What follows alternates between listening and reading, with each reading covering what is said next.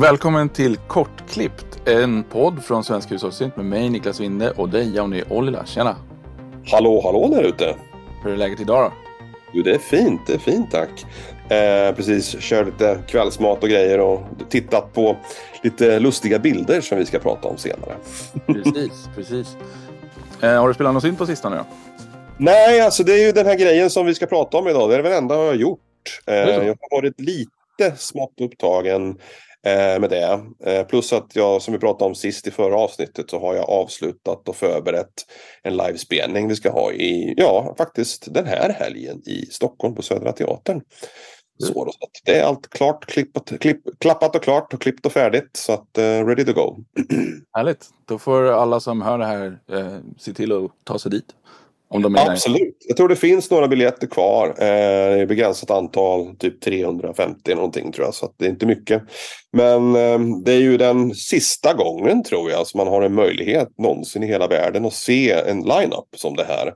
Med Cold Meat Industry Band. Eh, under två dagar med oss också. På en så fantastiskt spelställe som Södra Teatern. Eh, det kommer nog aldrig hända tror jag. Igen. Så att det är en, ett unikt tillfälle. Så det får inte missas. Hör du, ehm, vi har ett litet nytt segment idag som jag har hintat om lite grann på min Instagram. Vi tänkte så här att vi äger ju några syntar som är lika, eller lika samma, samma synt helt enkelt. Yes. Eh, Moog Matriark faktiskt, eller specifikt i det här fallet då. Mm. Och då tänkte vi så här att hur skulle det vara om den ena av oss gör ett ljud på sin synt och den andra försöker ratta in samma ljud i blindo genom att bara höra den förstas liksom, ljudfil. Eh, så det har vi gjort. Och eh, det var riktigt kul. det var helt hysteriskt kul. Alltså, jag måste ju... Det är, det är lite roligt. Jag gjorde ju ljudet som du skulle ratta in. Eh, och jag satt och tänkte på det där själv. Alltså, det måste vara extremt svårt. Ja. ja, du vet, lyssna i detalj. Man kommer säkert 50-60% av ett ljud. Men sen de här finare detaljerna, liksom, hur ska man klura ut vad som är vad? Och jag är ju väldigt dålig på rent generellt att analysera vad jag gör själv eh, i daglig, daglig basis när jag gör musik. Utan det är först när jag börjar prata om det, så som vi gör i den här podden, så börjar jag inse liksom att aha, det är kanske så här man gör och så där man gör. Så drar man nya slutsatser på det. Så att jag tyckte att det här var ett fantastiskt roligt segment. Jag hoppas att ni lyssnare också tycker det. Men för min del så var det lite av en ögonöppnare. Eh, framförallt för att hitta liksom ett ljud då som eh, passar kanske min egen profil så som sådana ljud som jag gör i dagliga fall när jag gör musik. Plus två då, eh, ge dig då en liten utmaning i att försöka klura ut då hur jag gjort det här ljudet. Och för, för lyssnare där, för vi gjorde det lite enklare för varann. Eh, själva grundidén var då att använda Mog Matriarch, men inte, vi fick inte använda några patchpaneler, inga patch in eller utgångar. Eh, inga externa effekter eller inte heller de interna effekterna. Eh, men allt annat var liksom open for grabs då. Och sen så gjorde vi det ännu lite enklare att eh, varje ratt har ju typ 11 lägen kan man säga, 11 positionsstreck. Så att man kunde då, eh, eller jag kunde göra ett ljud antingen 0 eller 100 eller något, på något av positionsstrecken. Så det skulle bli lite enklare för dig då att liksom komma fram till ett någorlunda ljud som var lite närmre. Eh, istället för att ha liksom obegränsat antal egentligen. ja, och, och jag tänkte ju mycket på det där när jag satt och rattade och jag kände liksom att vissa inställningar var väldigt svåra att hitta. För även om jag kände att jag var på strecket på en, på en inställning så, så kände jag att det blir inte riktigt rätt ändå. Och det är ju naturligtvis analogsyntar så de är ju individer, de är ju lite olika. Mm. Och, och, det kan ju mycket väl hända att, att man måste flytta ratten lite grann för att det ska låta likadant på, på våra respektive syntar. Då. Men ja. det är i alla fall, det är i alla fall liksom en grundgrej som gör det lättare att, eh, hitta rätt. Då.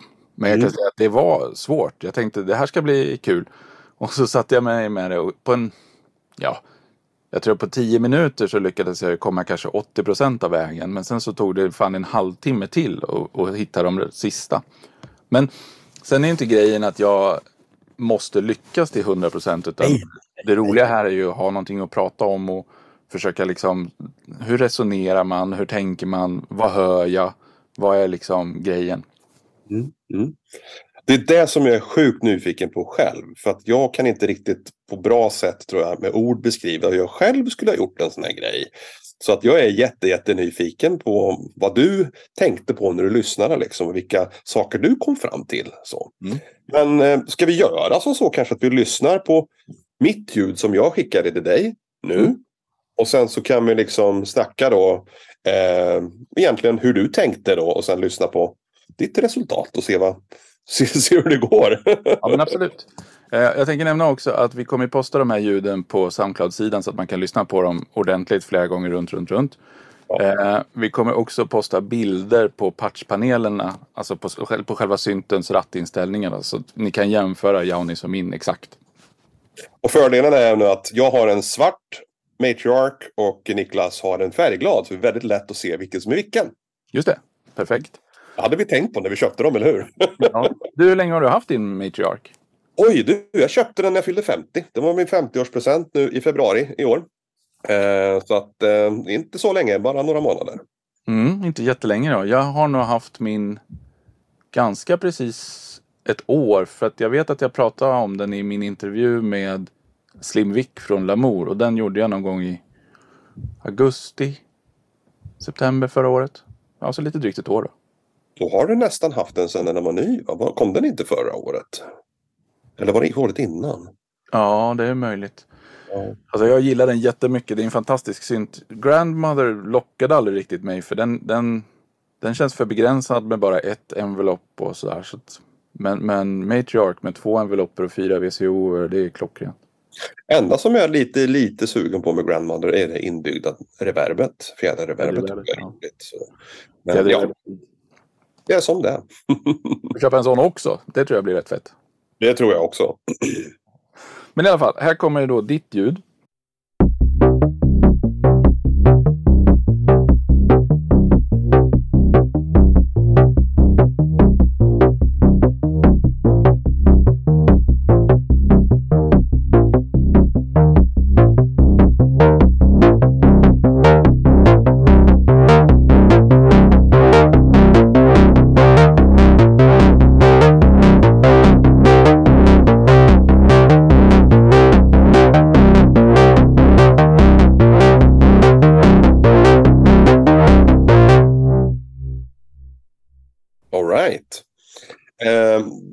Sak som jag inte nämnde innan vi började spela ljudet. Det var att jag började på 20 Hz, det vill säga egentligen 0 på cut-off.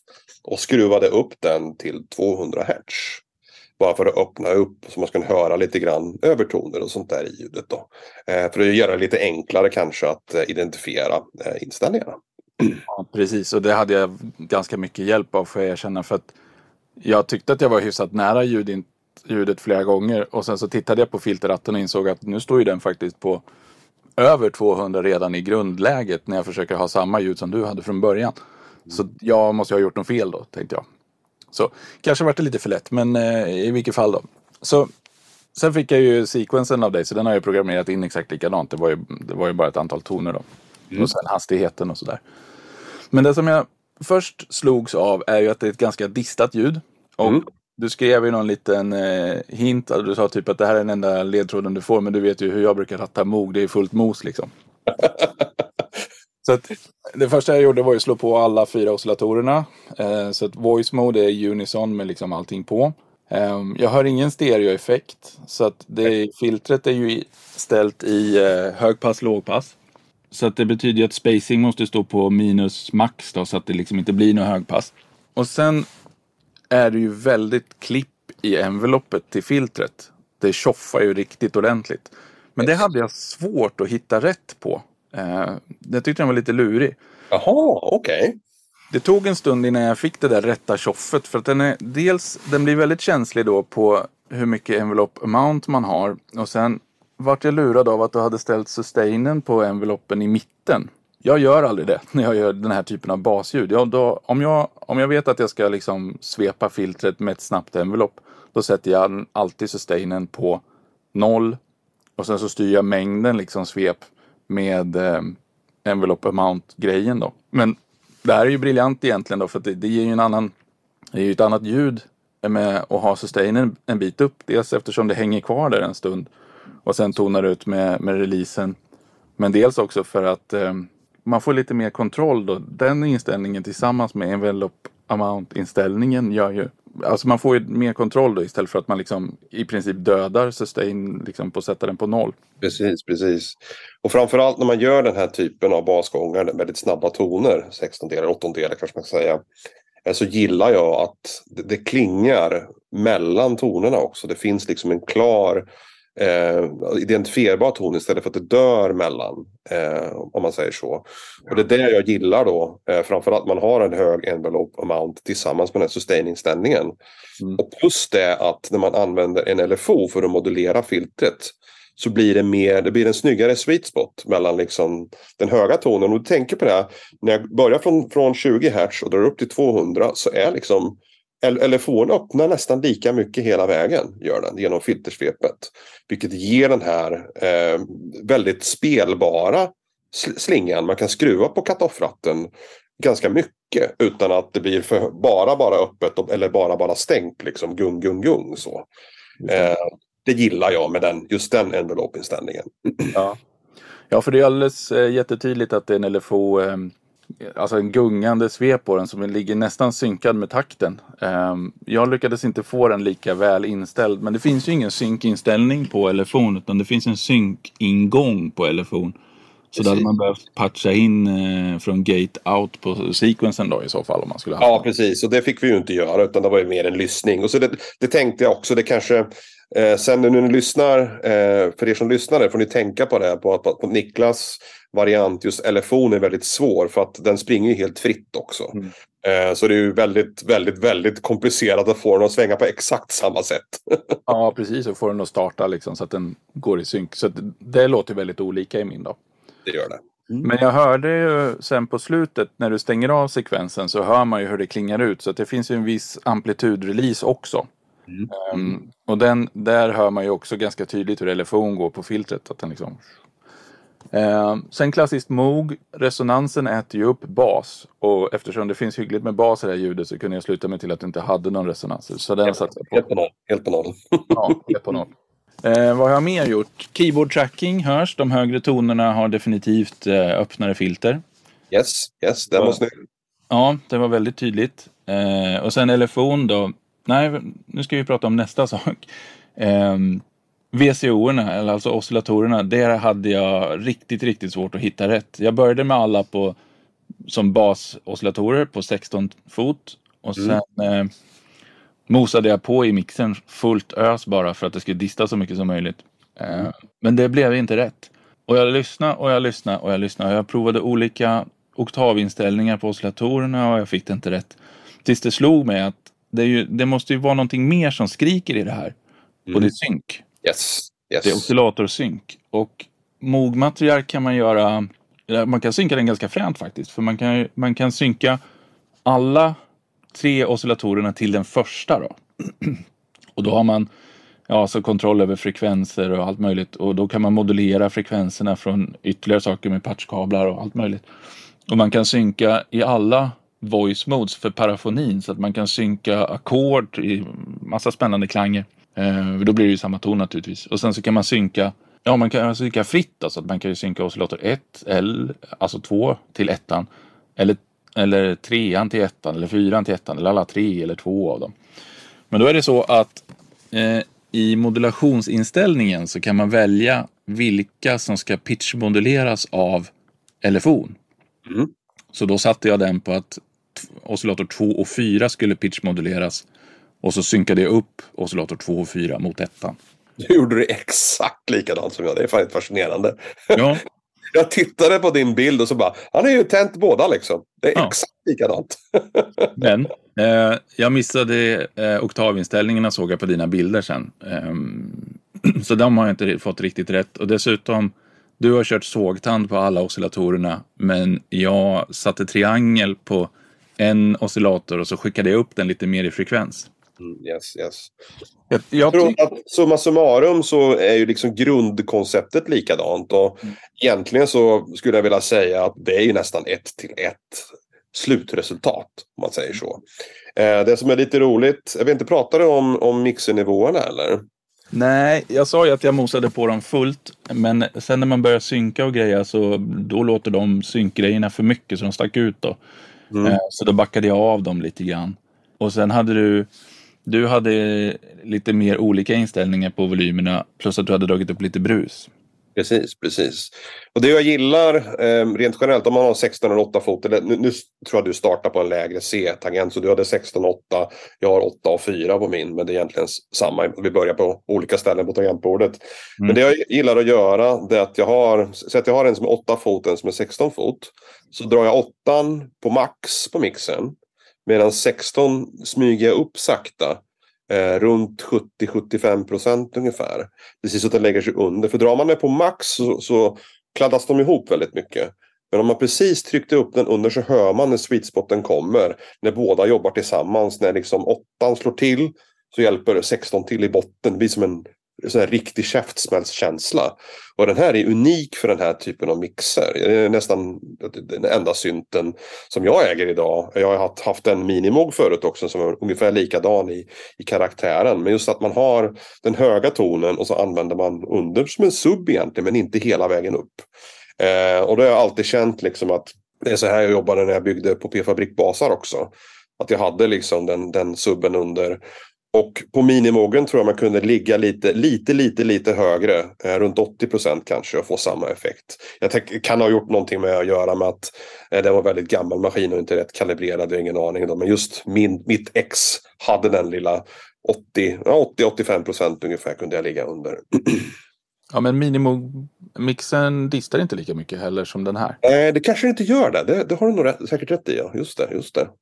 Men det där tycker jag är jävligt intressant för jag hade Minimoog i många, många år och jag undrade alltid vad man skulle ha mixratten till för den har ju en på och av-knapp och liksom, jag gör samma sak med mixratten. Jag blandade aldrig någonting annat. Nej. Så det där är eh, lite knepigt. Men jag, jag, misslyckades med att höra att du hade brus också. Men det ger ju egentligen bara lite skitighet i det här. Det gör det. Jag tycker om brus, alltid brus. För det skapar, som, som du säger, skitighet. Men det ger även eh, lite mer för filtret att arbeta med, tycker jag. Eh, det skapar övertoner och andra saker, andra artefakter i ljudet som, som kanske inte alltid går att ta på. Eh, jag minns väldigt väl när jag köpte min MS-20 Mini och den brusar väldigt mycket i sig självt. Mm. Eh, alltså själva ljudet i sig, det puffar och puffar. Om du inte har någonting påslaget så spelar du med filtret så puffar den. Eh, och det är en, en egenskap som jag tycker om med den. För att den skapar en viss känsla i ljudet som, som andra syntar kanske inte har. Och om man kranar på lite mer vanligt brus ovanpå det så blir det ännu mer intressant.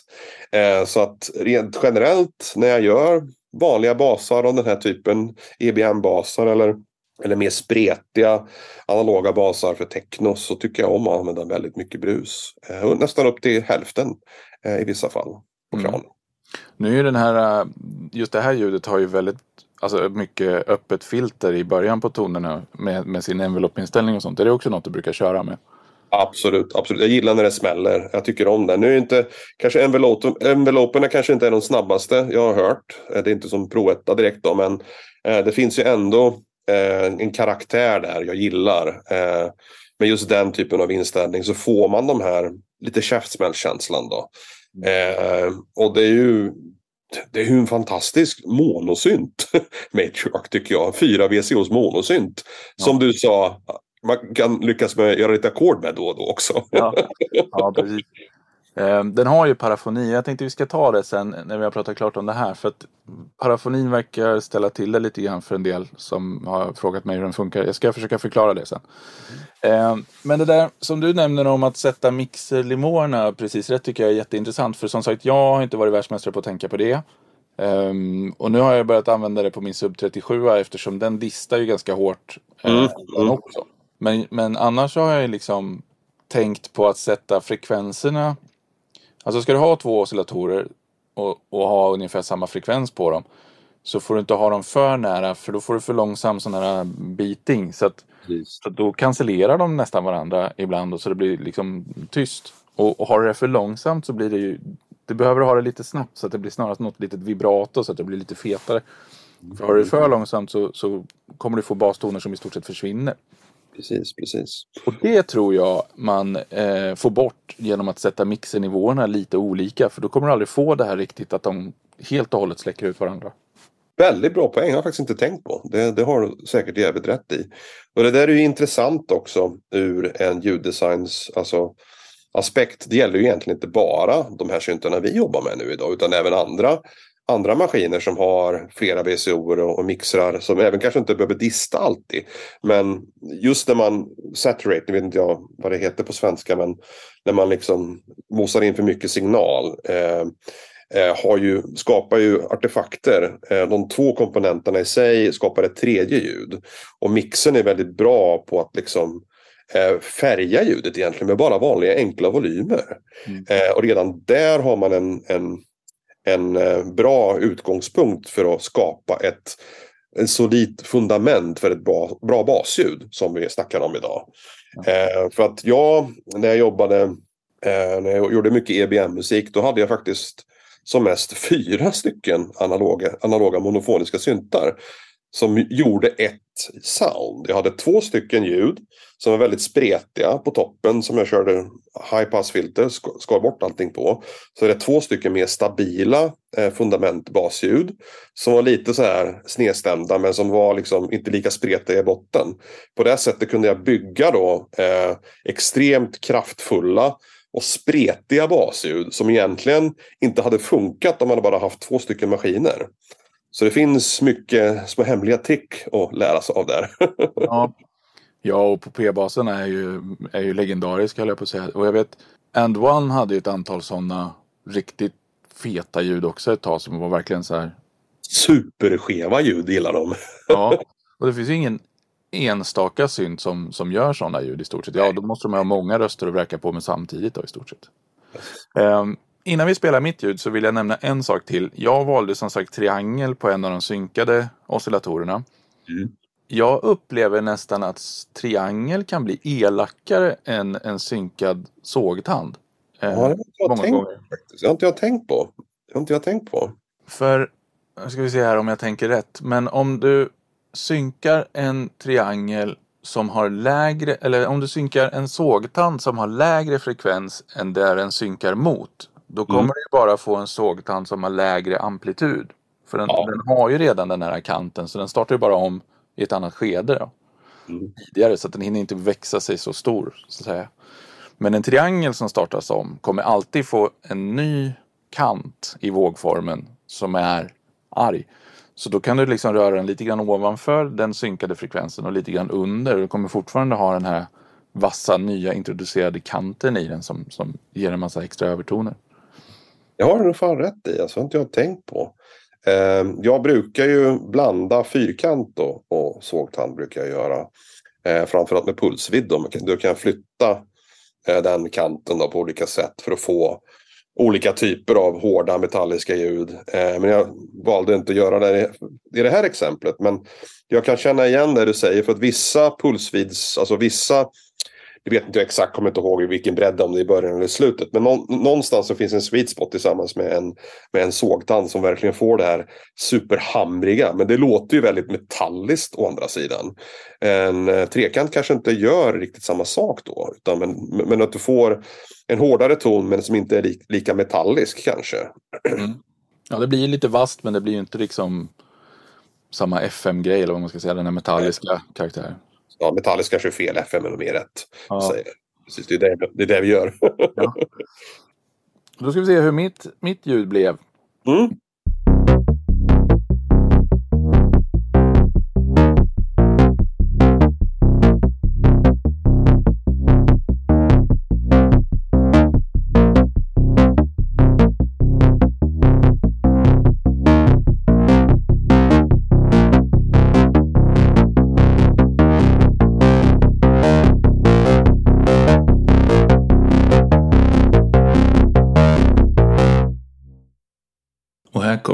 Kommer fil igen för jämförelse.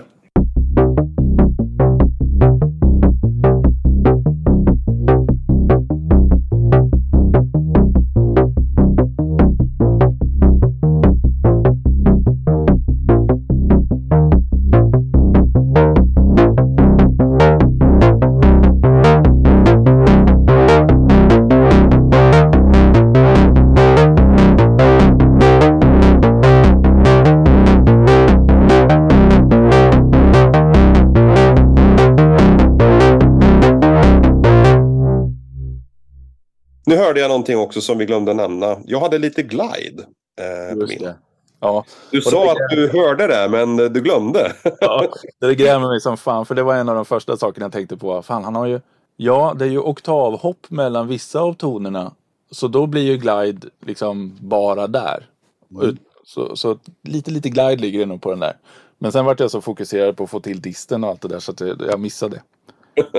Men den där gliden, gliden är en sak. Bruset är antagligen en annan sak. Och sen är det säkert någonting mer. För mitt ljud är definitivt inte riktigt lika fett. Jag tror det är kombinationen av eh, mixerinställningarna 8 fot, 16 fot versus 8 och 4 som jag har då. Som är den stora skillnaden med bruset och gliden. Eh, för att det är där jag känner själv i alla fall när jag lyssnar på ditt ljud. Jag känner den största skillnaden. Så. Mm. Eh, så det skulle vara roligt kanske om du kan skruva till mitt ljud med mina inställningar på din. Se om det låter i alla fall något, lite mer exakt. Absolut. Det ska jag definitivt prova. Jag Ja. lägger det också som ett ljud på Soundcloud sen. Mm. Jag har ju facit från dina bilder. Mm. Bra, det om det. Och har ni själva något ljud som ni skulle vilja utmana oss med så feel free att skicka in det så försöker vi ratta ihop det. Företrädesvis på en... Ja, precis. Inte en CS80 tack, för det har vi ingen. Nej, precis. Företrädesvis på en Matriarch då. Eller en Sub 37 har vi ju båda två. precis, precis. Jo, matriarkens parafoni då. Alltså, bara en kort genomgång med hur det här med polyfoni och parafoni funkar. Alltså, de första syntarna som hade polyfoni, det var väl så här stråkmaskiner och sånt där. Och de har Lite inte divide down-grejer, ja. Ja, exakt. Precis. De har någon oscillator som går på någon skithög frekvens, på någon megahertz eller något sånt där. Och sen så di- dividerar de den med ett antal tal.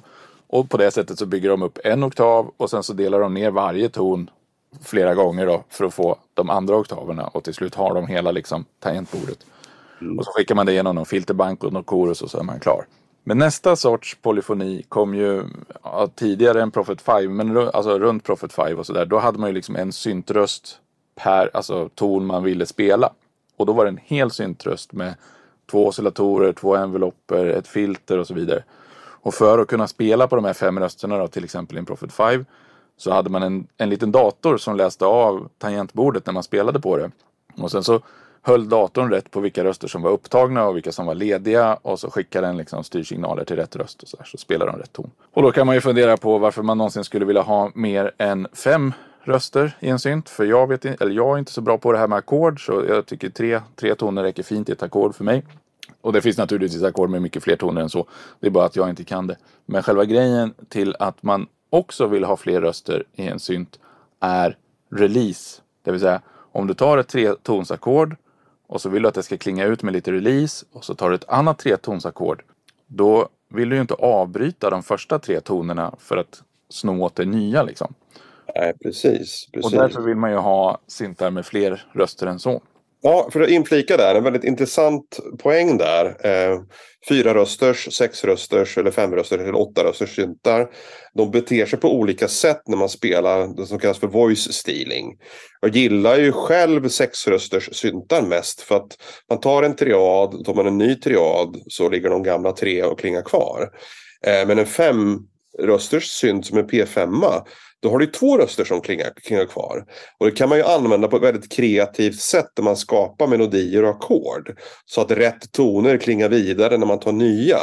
Eh, och det, jag tror det var Howard Jones som pratade om det för jätte, jättelänge sedan. Om jag inte minns alldeles fel. Att han använde det på ett kreativt sätt när han skrev låtar. Och det tycker jag är extremt intressant. Om man har kanske en sexrösterssynt så kan man ta liksom tre, tre, tre, en triad plus en baston. Och sen så tar man en ny triad en baston så är det två toner som hänger kvar. På det sättet så kan man liksom nästan välja vilka som ska klinga ut med releasen. Eh, och det kan bli väldigt, väldigt snyggt. Och då hänger det ju på hur röstallokeringsalgoritmen i den här lilla datorn funkar då. Yes. Och de är naturligtvis olika och på moderna polysyntar så finns det olika sätt och kan du säkert välja hur de ska bete sig. I vilket fall då så är parafoni när man har i stort sett en röst i en synt med ett filter, ett två envelopp, en LFO och så vidare. Men man har fler oscillatorer och så använder man de oscillatorerna för att spela olika toner. Men det går fortfarande genom samma filter och samma envelop och så vidare. Det betyder att till skillnad från en polyfonisk synt som till exempel Prophet 5 och OBX och alla de där som har en liksom, riktig röst per ton så artikuleras inte rösterna med envelopper för varje tangentnedslag. Utan liksom, första tangenten startar envelopperna och trycker du på fler tangenterna, tangenter så får du fler toner. Men artikulationen är redan igångsatt med envelopperna och så vidare. Och sen hur den här parafonin ska funka nu då kan man implementera på ett antal olika sätt. Så till exempel i Sub 37 som vi har båda två mm. funkar det så att om du tar en ton så spelar båda oscillatorerna den tonen. Tar du en ton till så delar de på sig så att du får liksom en oscillator per ton. Och släpper du den ena tonen då så hoppar den tillbaka till den första tonen eller den kvarhållna tonen så att säga. Det kan hända att det går att ställa om det. Det vet jag inte exakt. Men i alla fall är det så den beter sig från fabriken för jag har inte rört det där. Mm. Och det är väl fine and dandy höll jag på att säga. Det är väl inga problem med det. Förrän det är dags för att ta ett tvåtonsackord med release. För så fort du drar upp releasen på sub 37 tar ett tvåtonsackord och så släpper det så hoppar den ena oscillatorn tillbaka till den andras ton. Så du får aldrig ett utklingande tvåtonsackord på en sub 37. Och det är, det är inget kul. Nej, det är värdelöst. ja, det låter ju som skit. Och då kan man tänka sig så här, bara men för precis som i Profit 5 så sitter det ju i eh, Sub 37 en liten dator som skannar tangentbordet och använder liksom, läser av vilka tangenter du har tryckt ner och talar om för oscillatorerna vilka toner de ska spela och så vidare. Och då kan man ju tänka sig, bara, men om, om, varför fattar den inte att du släpper båda tangenterna samtidigt då? Och, och eh, låter eh, båda tonerna hänga kvar. Då ska man ju ha klart för sig att en sån här liten dator som sitter här och jobbar, i dens värld finns inget samtidigt. Utan den, den processar ju saker en sak i taget i en lång kedja av händelser. Så du kommer alltid släppa den ena tangenten före den andra. Det är liksom, så är det bara. Om man inte är en robot liksom. ja, men även om det vore en robot så kommer, kommer datorn i, i synten att liksom köa upp de här två händelserna och ta den ena först och den andra sen. För den, den tar, den, den gör så helt enkelt. Så det är ju ett problem där då. I matriarken så har man gjort parafonin så att man efter varje VCO har satt en liten VCA. Så sätter du den i fyra rösters läge och spelar en ton. Då kommer den tonen gå till en oscillator. De andra tre är tysta. Spelar du två toner så går den andra till nästa oscillator och de andra två är tysta och så vidare och så vidare. Så det betyder att till skillnad från sub 37 om du håller ner två toner, släpper den ena, då kommer den inte kommer inte den oscillatorn hoppa till den första tonen utan den kommer bli tyst istället. Och här har folk upptäckt att om du, om du håller nere två toner på matriarken och så släpper du den ena, då, då klingar den kvar lite grann innan den, innan den blir tyst. Och anledningen till att den gör det är för att du ska få en chans att släppa även den andra tangenten. Mm. Och så vis få ett utklingande ackord. För, på, för det är på det sättet man överlappar den här lilla grejen om att datorn i synten vet inte om du tänker släppa upp fler tangenter. Men du får en liten, liten tid på dig att göra det. Och på det sättet så kan du liksom i matriarken göra skitsnygga utklingande ackord som går i, i det inbyggda delayet och liksom panoreras ut i stereofiltrerna och låter riktigt, riktigt snyggt. Men det blir ju en liten irriterande fördröjning då för om du antar att du har en baston och så vill du spela snabba liksom hopp mellan två andra toner. Det kommer inte gå för de kommer hänga kvar lite grann. Det där är väl en artefakt som jag faktiskt har tänkt på lite grann när jag har spelat på min Matriark. Eh, men jag försöker använda det till syntens fördel istället och komma på nya lustiga saker istället för att irritera mig över att den inte beter, som en, beter sig som en vanlig eller standard polyfonisk synt skulle jag vilja säga. Då. Och det tror jag är lite grann någonting man får vara beredd på, på när man köper en sån maskin. Att den inte är en vanlig konventionell polyfonisk synt. Att den har lite speciella tricks för sig. Det är väldigt intressant att du berättar hur det funkar i bakgrunden för det hade jag faktiskt ingen koll på alls. Nej, och sen jag menar, nu pratar vi om att det är en liten, liten fördröjning, men, vad kan det vara, tre tiondelar, fyra tiondelar och sånt där. Det är ju inte jättelänge. Men man skulle ju kunna tycka att det här borde vara inställbart i, i, i synten. Kanske är det, jag vet inte. Ja, det finns ju massvis med märkliga sådana här eh, menyinställningar med tangenter och grejer som inte jag har utforskat än. Så det kanske Nej. finns. Jag, ja, jag har inte kollat på det själv heller. Sen jag hittade någon editor som man kunde köra på datorn så styrde den via midi på något sätt. Men eh, jag har inte provat den heller. Bra, jag tror att eh, vi är ganska klara för idag. Det har varit ett väldigt nördigt avsnitt. Jag hoppas att det har Ja, supernördigt. Jag hoppas inte ni har somnat här eller att vi pratat över huvudet på folk. Men det är som du brukar säga Niklas, vi, vi gör ju inte det här för att måla på näsan hur man ska göra utan vi, vi själva tycker det är roligt och nördigt och snacka synt liksom. Så att eh, kommentera gärna vad ni tycker om det var för hög nivå eller för låg nivå eller precis som ni gillar att ha det. Och så kan det ju naturligtvis också hända att vi har helt fel för oss om olika saker. Och då blir vi jättegärna rättade. Precis, precis. Bra, men tack för idag då. Ja, tack så mycket. Ha det gott ni.